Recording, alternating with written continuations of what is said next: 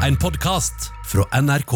Spike Lees nye Netflix-film The Five Bloods går rett til kjernen av Black Lives Matter. Og I May Destroy You er fryktløs, varm og vond. Og jeg liker Rick and Morty, og sesong fire var knallbra!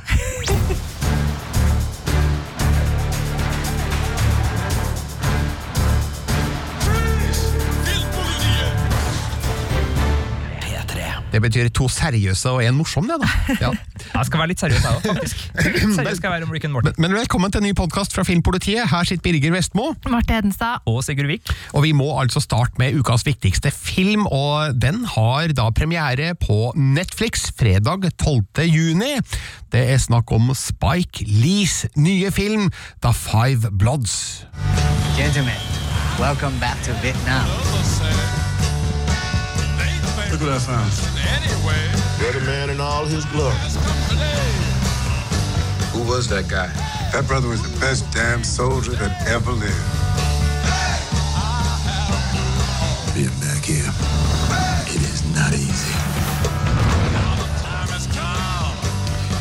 Spike Lee på Netflix, altså et eh, lite varp der av strømmegiganten. Spike Lee er jo en regissør som har beæra oss med god film i ja, 30 år, og vel så det.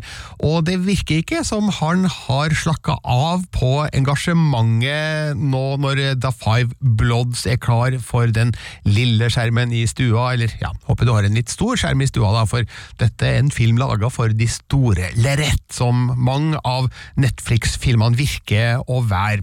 Hva slags forhold har dere til Spike Lee, Marte og Sigurd? Nei, eh, han er for meg en veldig sånn sterk stemme. En veldig tydelig eh, og engasjert eh, stemme som har laga utrolig mye bra film. Eh, både dokumentarer og spillefilmer når det kommer til akkurat den tida vi er inne i nå. Altså Black Lives Matter, det har Spike Lee eh, hatt stått på barrikadene for i en årrekke. Ah. Eh, så han er virkelig en interessant fyr, altså.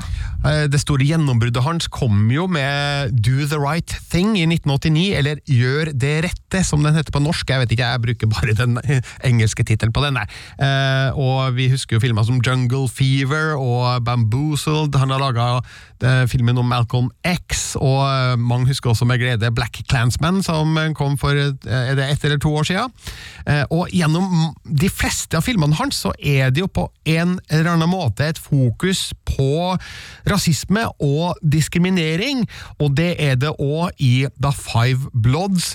Og timinga her er nesten skummel. Altså, nå er det jo ikke noe nytt, dette med at det foregår diskriminering rundt om i verden, men at denne filmen skulle planlegges til akkurat nå, når Black Lives Matter-demonstrasjonene har eksplodert, ikke bare i USA, men også i det andre deler av verden. Det er nesten for godt til å være sant. Altså, Har Spike Lee planlagt det her som en PR-kampanje? Nei, altså, han har jo selvfølgelig ikke det, men eh, det gjør jo filmen enda mer aktuell at eh, det her foregår akkurat nå, og eh, det er jo flere referanser i filmen til både personligheter og historiske hendelser som gjør filmen eh, ubehagelig aktuell, kan du si. Filmen er faktisk eh, da lagt til et annet sted på jorda. Eh, Det er da snakk om fire Vietnam-veteraner alle afroamerikanske som drar tilbake til Vietnam for å finne levningene av en fallen kamerat, og for å grave opp gullskatten som de gjemte et sted inne i jungelen på tidlig 1970-tall. Så det her er både en sånn, ja, skal vi kalle det, sånn eh, adventure-film, og så er det et drama der de må ta oppgjør med kreftene som sendte dem inn i krigen, og hvordan livene deres har blitt eh, i etterkant. De eh, fire som eh, da eh, har eh, hovedrollene. Eh, Det er Delroy Lindo som Paul, det er Clark Peters som eh, Otis, Norm Lewis som Eddie, og Asaya Whitlock jr. som Melvin. Og mm, Mr. Whitlock jr. er jo kanskje aller mest kjent for en rolle i The Wire. Altså Det er han som sier shit. Clay Davis! Ja. Eh, Og det, det gjør han jo i stort sett alle filmer han er med i for tida, virker det som. Og eh, om han sier det i The Five Bloods, det skal jeg ikke si! Jeg tror kanskje svaret ga seg sjøl der. Men eh, i hvert fall, det er fire ganske fargerike, morsomme personligheter, det her. Som på hver sin måte er farga av eh, sine opplevelser i Vietnam og livet etterpå.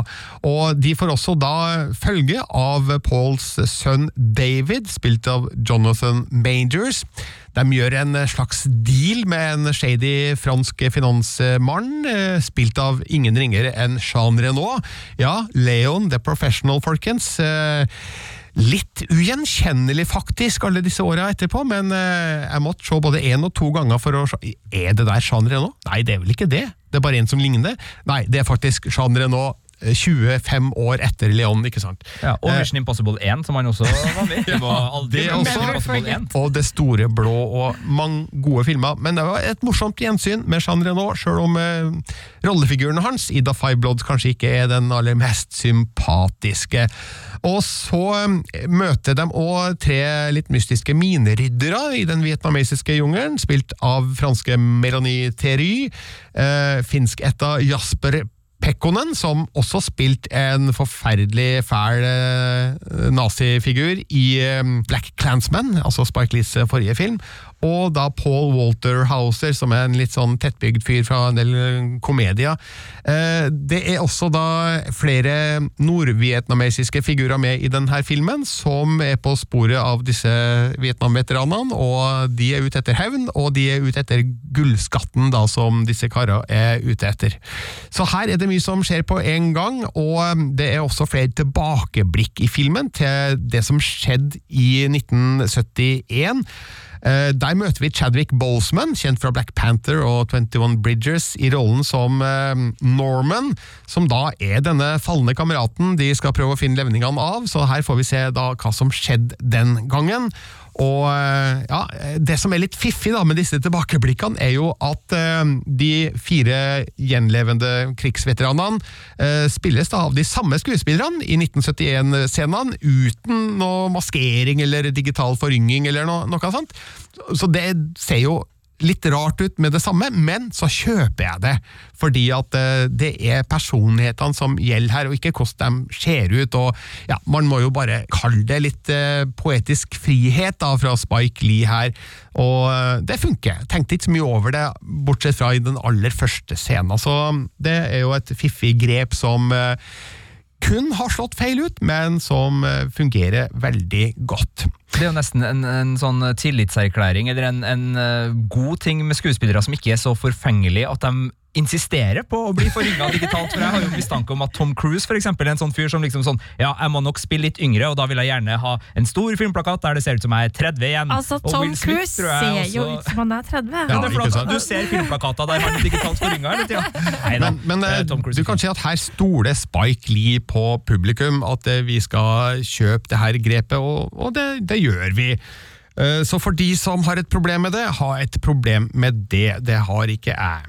Eh, Så er det da sånn at eh, Da Five Bloods som sagt er full av referanser til afroamerikansk historie. Vi ser klipp fra Martin Luther King, Muhammad Ali, Malcolm X, og eh, vi ser flere små historiske filmklipp som sys inn i handlinga her, som da sammen beskriver litt av bakteppet disse fire Vietnam-veteranene eh, lever mot. Eh, Det handler jo om behandlinga av USAs afroamerikanske befolkning, hvordan de har blitt oversett og marginalisert og diskriminert, og filmen peker jo på det faktum at eh, Nå vet ikke jeg om det her stemmer, men det påstås i hvert fall i filmen da, at eh, under Vietnamkrigen så utgjorde eh, da afroamerikanere 11% av USAs totale befolkning, mens de utgjorde da hele 32% av soldatene som ble sendt til Vietnamkrigen, og gjerne til mange av de mest utsatte områdene. Jeg leste et annet sted på internett at i 1965 for eksempel, så var en fjerdedel av alle drepte amerikanske soldater afroamerikanere. En uforholdsmessig stor andel da i forhold til andelen de utgjør av befolkninga i USA. Eh, Så det er vel det The Five Bloods eh, fokuserer på, altså måten de har blitt forskjellsbehandla på, både før og under Vietnamkrigen, men også etter etter, der de har blitt nekta å ta del i den amerikanske drømmen som de på en måte har blitt lova gjennom eh, krigføringa nede i det fjerne Østen. Jeg er også litt spent, for uh, jeg har lest noen artikler om at Marvin Gaye sitt uh, album What's Going On, som er et meget kjent musikkalbum, uh, skal bidra med flere låter inn i denne filmen. Hvordan er soundtracket, Vestmo? Det starter med Inner City Blues, så ja, alt er ivaretatt der for Marvin Gaye-fans. Og et annet veldig godt grep senere i filmen er at What's Going On, kanskje er Marvin Gayes mest kjente låt, går det an å si det? Brukes til stor effekt, der de har henta ut vokalsporet og muta resten av musikken, og bruker det da i noen jungelscener som eh, jo gir et ganske klart og tydelig antikrigsbudskap. Så eh, dette er en del av amerikansk eh, kultur, afroamerikansk kultur, som sklir rett inn her, altså å underbygge budskapet og meninga Spike Lee har med The Five Bloods. Så det er helt korrekt at Marvin Gaye er en essensiell del av lydsporet her. Så det her er en film med mange kvaliteter, men nå er det på tide å rekke fingeren i været her. Å, det er filmkritikeren som kommer nå. Hæ? Hæ? Han er Ja, jeg, jeg har gitt terningkast fire til The Five Bloods, og det skyldes først og fremst at filmen er for lang. Den er to og en halv time lang, og en, minst en halvtime kun har vært eh, kutta, syns jeg. De tilbringer da en hel time omtrent i Ho Chi Minh-byen før de endelig legger ut på dette jungeleventyret sitt, og det er mye eksposisjon her som jeg føler er overflødig og unødvendig.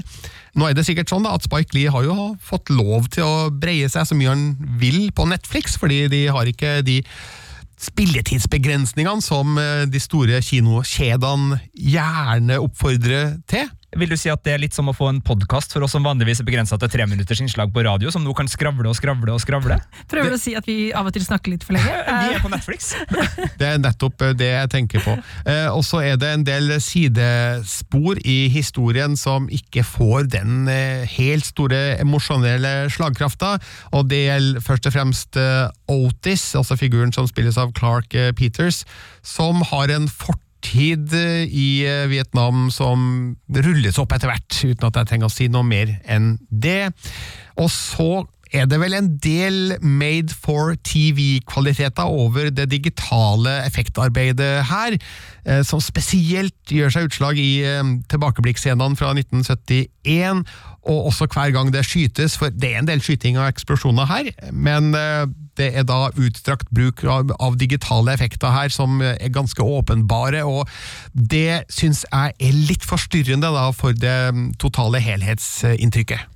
Vietnamkrigen som bakteppe er jo på film gjort så lekkert i blant annet uh, Apocalypse Now, i uh, Platoon er vel fra Vietnamkrigen, hvis jeg husker riktig, og, og det er veldig mange, altså Gjør det at det blir ekstra synlig hvis det ikke gjøres riktig med spesialeffekter og, og estetikk i, i den krigen? At man er så vant med å se en så lekker på skjerm? Ja, altså det vi er vant til er å se Vietnamkrigen bli skildra i litt eldre filmer, der de ikke har digitale effekter og måtte heller da ty til mer realistiske virkemidler, som jeg skulle ønske at de også tok i bruk i The Five Bloods, i stedet for helt sånn åpenbar digital blodsprut som kun har tilhørt hvilket som helst eh, dataspill. Så det er vel, og, ja, og ikke minst ekte helikoptre. ikke digitale helikoptre som eh, ikke har vekt og tyngde og eh, du ser at det ikke er ekte, da. Og klart, det her har helt sikkert sånn budsjettmessige årsaker, men eh, jeg skulle jo ønske at eh, det var litt større fokus på det visuelle uttrykket i enkelte av scenene i The Five Bloods. Men Jungelen ser veldig flott ut. Eh, kanskje ikke innbydende akkurat, eh, innholdet tatt i betraktning, men eh, jeg tenker at de som liker Platoon og Apokalypse nå, og andre Vietnam-filmer, vil finne mange likhetstrekk da mellom de og det du ser i The Five Bloods. Så det her er slett ikke noe bortkasta film. Spike Lee er fremdeles en engasjert stemme, han er en viktig filmskaper. Her har han fått breia seg litt for mye, kanskje, fra Netflix sin side, men eh, som sagt, den sklir jo rett inn i Black Lives Matter-tematikken som vi er omslutta av for tida, og han har ting å melde, han har ting å formidle som eh, føles essensielt da, i den tida vi er i nå. Og Derfor så er det bare å kaste seg over Netflix hvis du er eh, abonnent der, og se da Five Bloods fra og med i morgen. Det her spilles inn torsdag 11. juni. Filmen har premiere på Netflix fredag 12. juni. Bare si eh, to kjappe ting om Spike Lee på tampen. og Det ene er en liten quiz der dere to er deltakere nå. Eh, For det første så vil jeg bare si at eh, sjekk ut Air Jordan-reklamene mannen laga på 80-tallet, sånn som Michael Jordan. Du vil se noe av det i Netflix-serien The Last Dance, eller Den siste dansen. Eh, Spike Lee er en artig, artig fyr. En leken regissør på, på så mange vis. Uh, Og det andre er selvfølgelig hvor er linken mellom Spike Lee og Game of Thrones, folkens? Oi! Har ingen anelse overhodet. Nei, den, eh, den eh, Er det noen skuespillere han har jobba med som har vært med i Game of Thrones, kanskje? Nei, den det er tar det jeg. sikkert. Har ikke men, peiling. eh, ja. Eh, hvis vi spoler tilbake teipen til 2002, så er det en film som heter 25th Hour, som ble regissert av Spike Lee. Eh, Den med Edward Norton. ja. Eh, det er riktig. Philip Seymour Hoffman var også med der. Og den er ikke bare skrevet av David Benioff, den er også basert på en bok av David Benioff. Oi, oi, oi. Den ene uh, serieskaperen bak Game of Thrones. Aha. Så Da fikk der vi snakka litt om Game of Thrones i dag òg. Imponerende, imponerende. Ja, uh, Spike Lee er en morsom fyr, og det er mye sorthumoristisk eh, komikk også i uh, The Five eh, Bloods, men det er også da ganske knallhard eh, samfunnskritisk eh, satire her, så det er mye for enhver smak i The Five Bloods, som jeg altså da anbefaler, og ikke la deg avskrekke av eh, fireren på terningen, som en del ugleskjer av en eller annen grunn. Terningkast fire betyr at det er en god film med flere interessante sider. Ja, Det er jo én og to på terningen som betyr at vi ikke anbefaler det. Altså Tre er grei nok, Tre er fire er midt på tre. god, fem er kjempebra, seks er helt fantastisk.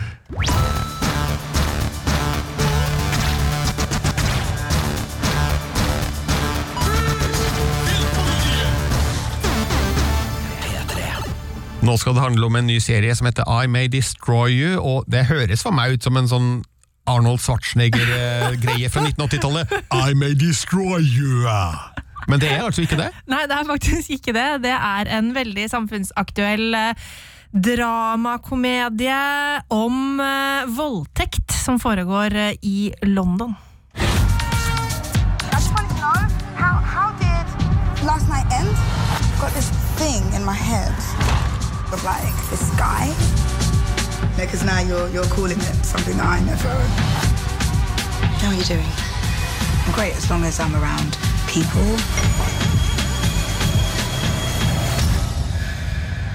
I did to, you know, just gather the pieces, any of the pieces.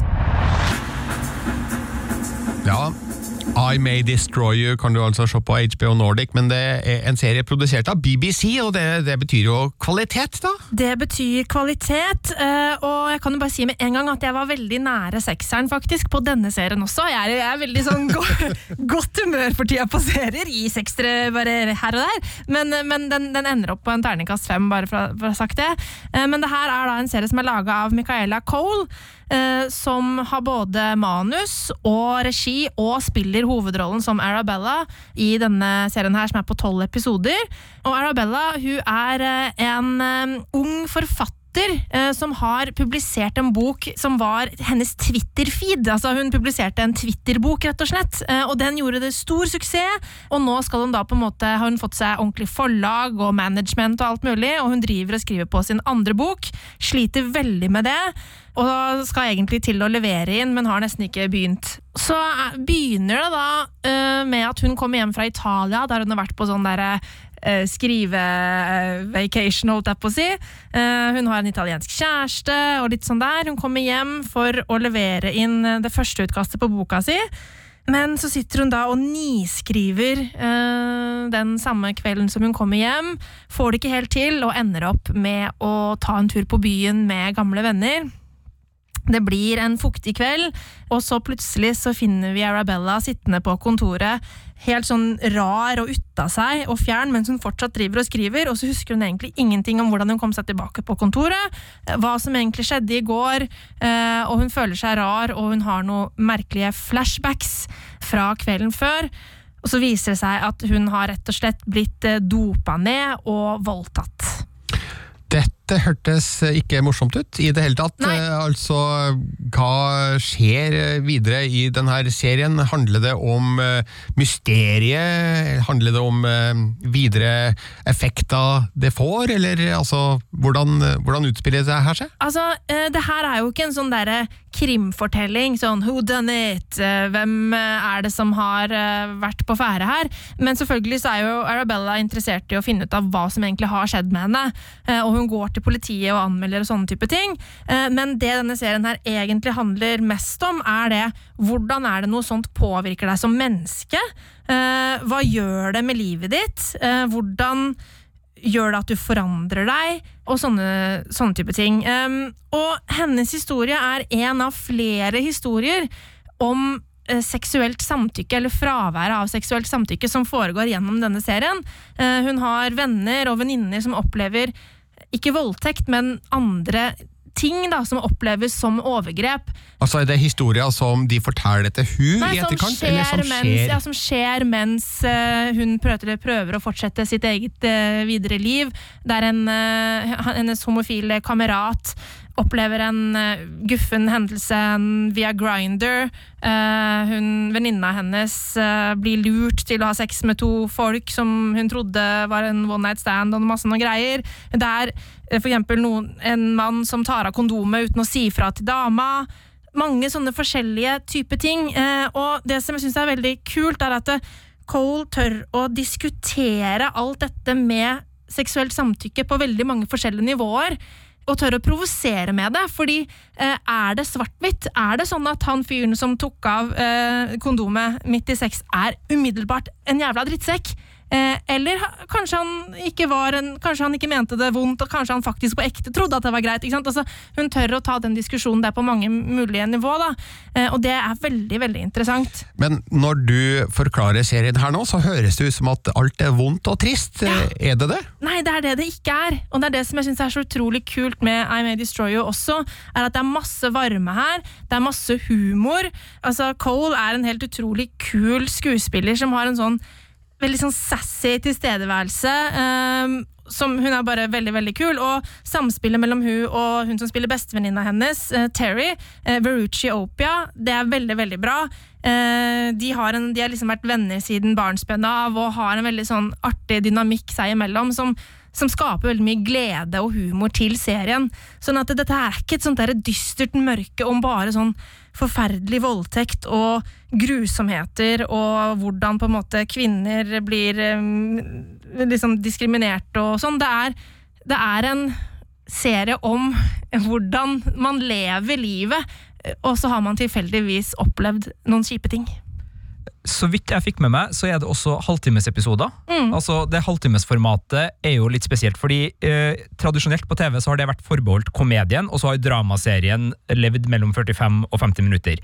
Så de siste årene, spesielt da med serier som Master of None, her skal også Louis C.K. sin Louis få være med i, i, i regnestykket, eh, Transparent, Better Things, Atlanta altså eh, Dramedien har vokst inn i det eh, segmentet og, og tatt over eh, i hvert fall mye av prestisjen da, når man snakker om det nye halvtimesformatet og de nye seriene som, som ikke nødvendigvis trenger å eh, følge en sånn så lang skal denne episoden være. De er kanskje på 23 minutter, de er kanskje på, på 37. altså Hvordan funker formatet og, eh, og tonen, som da jeg forstår er ganske variert? Ja, det, det funker bra, men jeg må si at jeg er litt usikker på hvordan det vil fungere.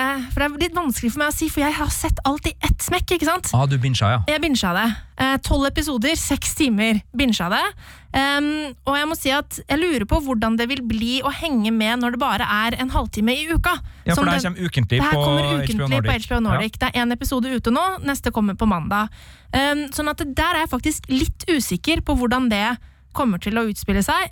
Jeg tror kanskje jeg faktisk nesten vil anbefale å vente til det er kommet ganske mange episoder, og se det i sammenheng. Fordi det hoppes mye fram og tilbake her.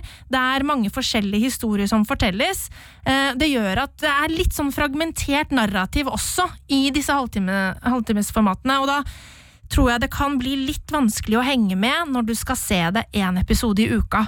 Eh, Så det var noe av grunnen til at jeg havna på femmeren og ikke på terningkast seks. På grunn av at denne fragmenterte fortellerstilen er nok et sånt slags symbol på eh, kaoset i livet til Arabella. Eh, og det, er et, det fungerer jo bra som et grep, men likevel så blir det litt sånn vanskelig å henge med eh, når du på en måte skal se det litt etter litt. Eh, så ja, det blir, litt, det blir litt rotete, rett og slett. Så publiseringsplan tas det også høyde for når vi anmelder TV-serier. Ja, for man må jo på en måte se det i sammenheng med opplevelsen den vanlige TV-stjernen får, og de får bare en halvtime av gangen.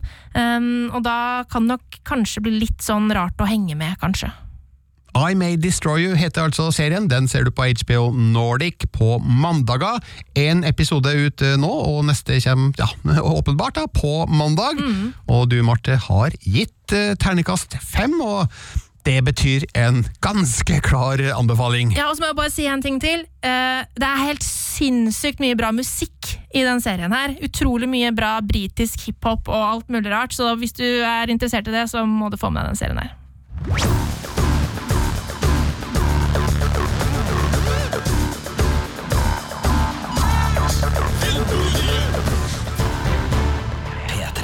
Hittil i podkasten har det altså handla om to seriøse ting. Da Five Bloods på Netflix og I May Destroy You på HBO Nordic. Du har noe humor å komme med, Sigurd. Ja, eh, det er litt alvor i det her òg, men det er veldig, veldig, veldig mye fjas når vi skal ta en liten eh, finger i jorda og reflektere litt over det som har vært sesong fire av Rick and Morty. Think it's a bomb? Man, what if this is how you found out he never wanted you back? That he loved the clone more than you? How crazy would that be? Crazy and, of, of course, soul crushing for you. I actually have something for that. You, you want some? They're non addictive. That's not true. They're totally addictive. I'm a terrible doctor. I actually have something for that too. You want some? Non addictive. Mm. Jeg har ikke sett noe av Rick and Morty. Jeg har bare beklager. sett sporadisk. Jeg beklager. Ja, nei, jeg er helt ukjent med Rick and Morty, bortsett fra vet hvordan de ser ut, da. Men aldri sett en episode. Veit ikke hvorfor. Eh, Hva har jeg gått glipp av, Sigurd? Nei, det, du har gått glipp av en eh, serie som uh, har havna helt i framkanten av animert uh, komikk for et litt voksent publikum. Det betyr ikke at du skal være voksen for å like det her, men det er ikke beregna på barn. Og Det er jo en tradisjon man kjenner fra spesielt da The Simpsons, South Park, Family Guy, The Cleveland Show, American Dad, Futurama, altså store, store titler som fra 90-tallet og, og 2000-tallet har eh, skapt ganske mye frossenpizzaglede rundt om i ganske mange hjem. Jeg tror kanskje det har blitt inntatt noen illegale substanser i enkelte hjem eh, rundt omkring eh, til noe av det her òg. Det er i hvert fall noe seriene sjøl spiller litt eh, på. Eh, og det er jo en, en humor som kjennetegnes ofte ved at den er drøy, den er ofte prega av slapstick, og den er ofte prega av referansehumor. Og Rick and Morty er jo drøy, prega av slapstick, og har veldig mye referansehumor. Eh, og så er det sånn nå at den verdenen har blitt mye, mye bedre etter strømmetjenestene sitt inntog. På Netflix har jo Bojack Horseman kanskje den store Netflix-originalen som virkelig har torsa å lage darkness i animert humorform. Du har uh, Final Space, du har uh, massevis av uh, artige ting. På vår podkast Serietips så snakka jo Martha om, fra fjerde etasje om Adventure Time, som også er en uh, godbit for mange. Og, og i det hele tatt det har blitt en, en verden Archer altså Nå glemmer jeg så mye F is for Family. altså Det er så mange serier. Men jeg vil jo si at hvis du ikke har tida til å se alt det her, så er Rick and Morty kanskje den serien som er både lett å svelge, artig, og som også gir den dybden og den, det alvoret. Vi hørte litt av det i det klippet her. Altså, det er fjas, men det handler om vitenskap og øh, vemod, og liksom sånn Om det gikk an å klone noen, og noen måtte velge mellom deg og klonen din. Altså, den, det er premiss som bare er fjas, men denne serien klarer gjennom da å bygge opp de familierelasjonene rundt det her, og få det til å bli ei sånn nøtt som du sitter og tenker både vitenskapelig, litt sånn ja, søren, det er et snedig lite sånn eh, dilemma, dilemma, dilemma, samtidig som du liksom kjenner på den sårheten og det vemodet som rollefigurene kjenner på. og Det, det tenker jeg, det handler jo om science fiction, og det handler jo om mange som liksom eh, klarer da å, å bygge inn de menneskelige følelsene som, som virkelig klarer å nå gjennom en skjerm uh, i fiksjonsunivers som egentlig bare er tankespinn og fjas. Men etter fire sesonger syns du Rick and Morty fremdeles har den samme rå edgen og friskheten? Ja, kanskje ikke den råeste edgen lenger, fordi den eh, avtar jo litt etter hvert. Eh, Det er veldig få serier som klarer å dra det videre i så måte. Bojack Horseman har klart det litt, og South Park hadde noen runder der de liksom skrudde til enda drøyere. Jeg husker spesielt rundt sånn sesong fem-seks var South Park eh, litt sånn på vei ned i en sånn ja, nå har vi sett det, og så bare oi! De gjorde Eric Cartman til en figur som bare ikke har forsonende trekk lenger. Eh, altså, så de, de gikk dit. Altså, det, det er jo mange mange, mange herrens år siden nå, men, altså, men jeg syns Rick and Morty klarer å opprettholde drøyheten og, og edgen ganske godt. og Det er jo den der tredelinga jeg syns er så fint med, med Rick and Morty. altså uh, Det her vemodet og den sårheten som vi har snakka om, de klarer Det er blant annet en episode i, i sesong fire som nå nettopp er ferdig. Det er derfor vi snakker om det her. Den gikk ferdig nå både på Netflix og HBO Nordic, som nå begge viser Rick and Morty i, i Norge. Uh, 7. juni var, var siste episode ute der. Uh, men i den sesongen så er det en episode hvor Morty forelsker seg i ei jente, og den forelskelsen skildres i et sånn indie-filmmontasje som varer i kanskje fem minutter, som er liksom eh, helt nydelig, og som ikke hører hjem i animert sci-fi-sjanger i hele tatt, men som kunne ha vært liksom noe uh, Wes Anderson hadde satt sammen på, på fritida, en helt sånn lekker uh, montasjestil.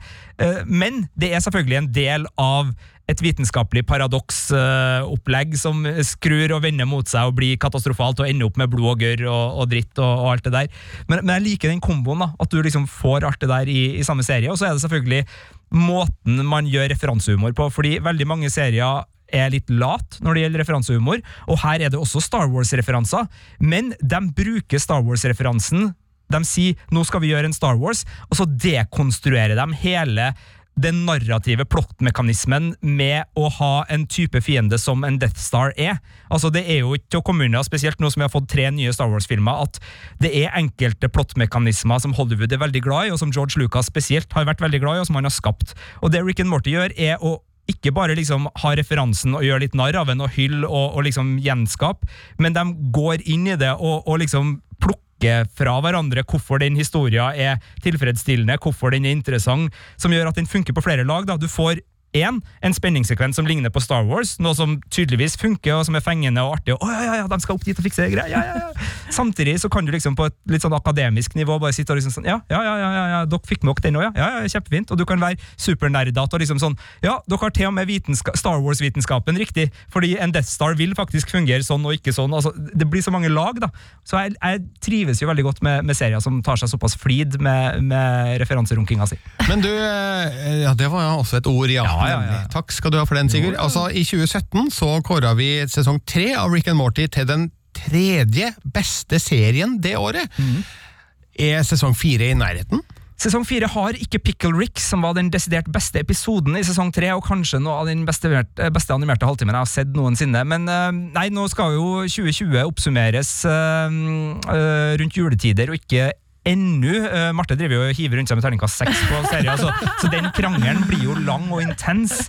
Men um, det var i hvert fall en veldig god sesong. Jeg sier kanskje at uh, sesong tre traff har, Sesong to og tre uh, var nok for meg hakket bedre sånn hvis du, når, når du spør meg rett etter at jeg har sett ferdig sesong fire, så ble sesong fire også delt opp i to, så førstedelen gikk jo i fjor. Kan man da ha den med på lista, Birger? Altså, det her er jo tekniske spørsmål som blir vanskelig. Men, men, i hvert fall, sesong fire ligger nå ute i sin helhet, både i Netflix, som har hatt serien i Norge en del år, og hos HBO Nordic, som har tatt over og har et samarbeid med Adult Swim, som da er leverandøren av denne serien, og som da også har Robot Chicken, Robot Chicken sin Star Wars-spesial, og en god del andre kjempemorsomme animasjonsserier. Så, så sjekk ut Adult Swim på HBO Nordic, sjekk ut Rick and Morty på Netflix og HBO Nordic, og mm, ja, det er mange som hører på har selvfølgelig gjort det allerede. Det er jo en av de mest populære seriene som er der ute når det gjelder fankultur, i hvert fall hvis man tar bort Star Wars, Game of Thrones og et par andre sci-fi og fantasy-giganter. Men øh, nei, jeg, jeg digger det her, altså. Jeg digger det her. Takk for tipset, Sigurd Vik, og med det er podkasten vår ferdig. Hør oss på P3 hver søndag fra 12 til 15.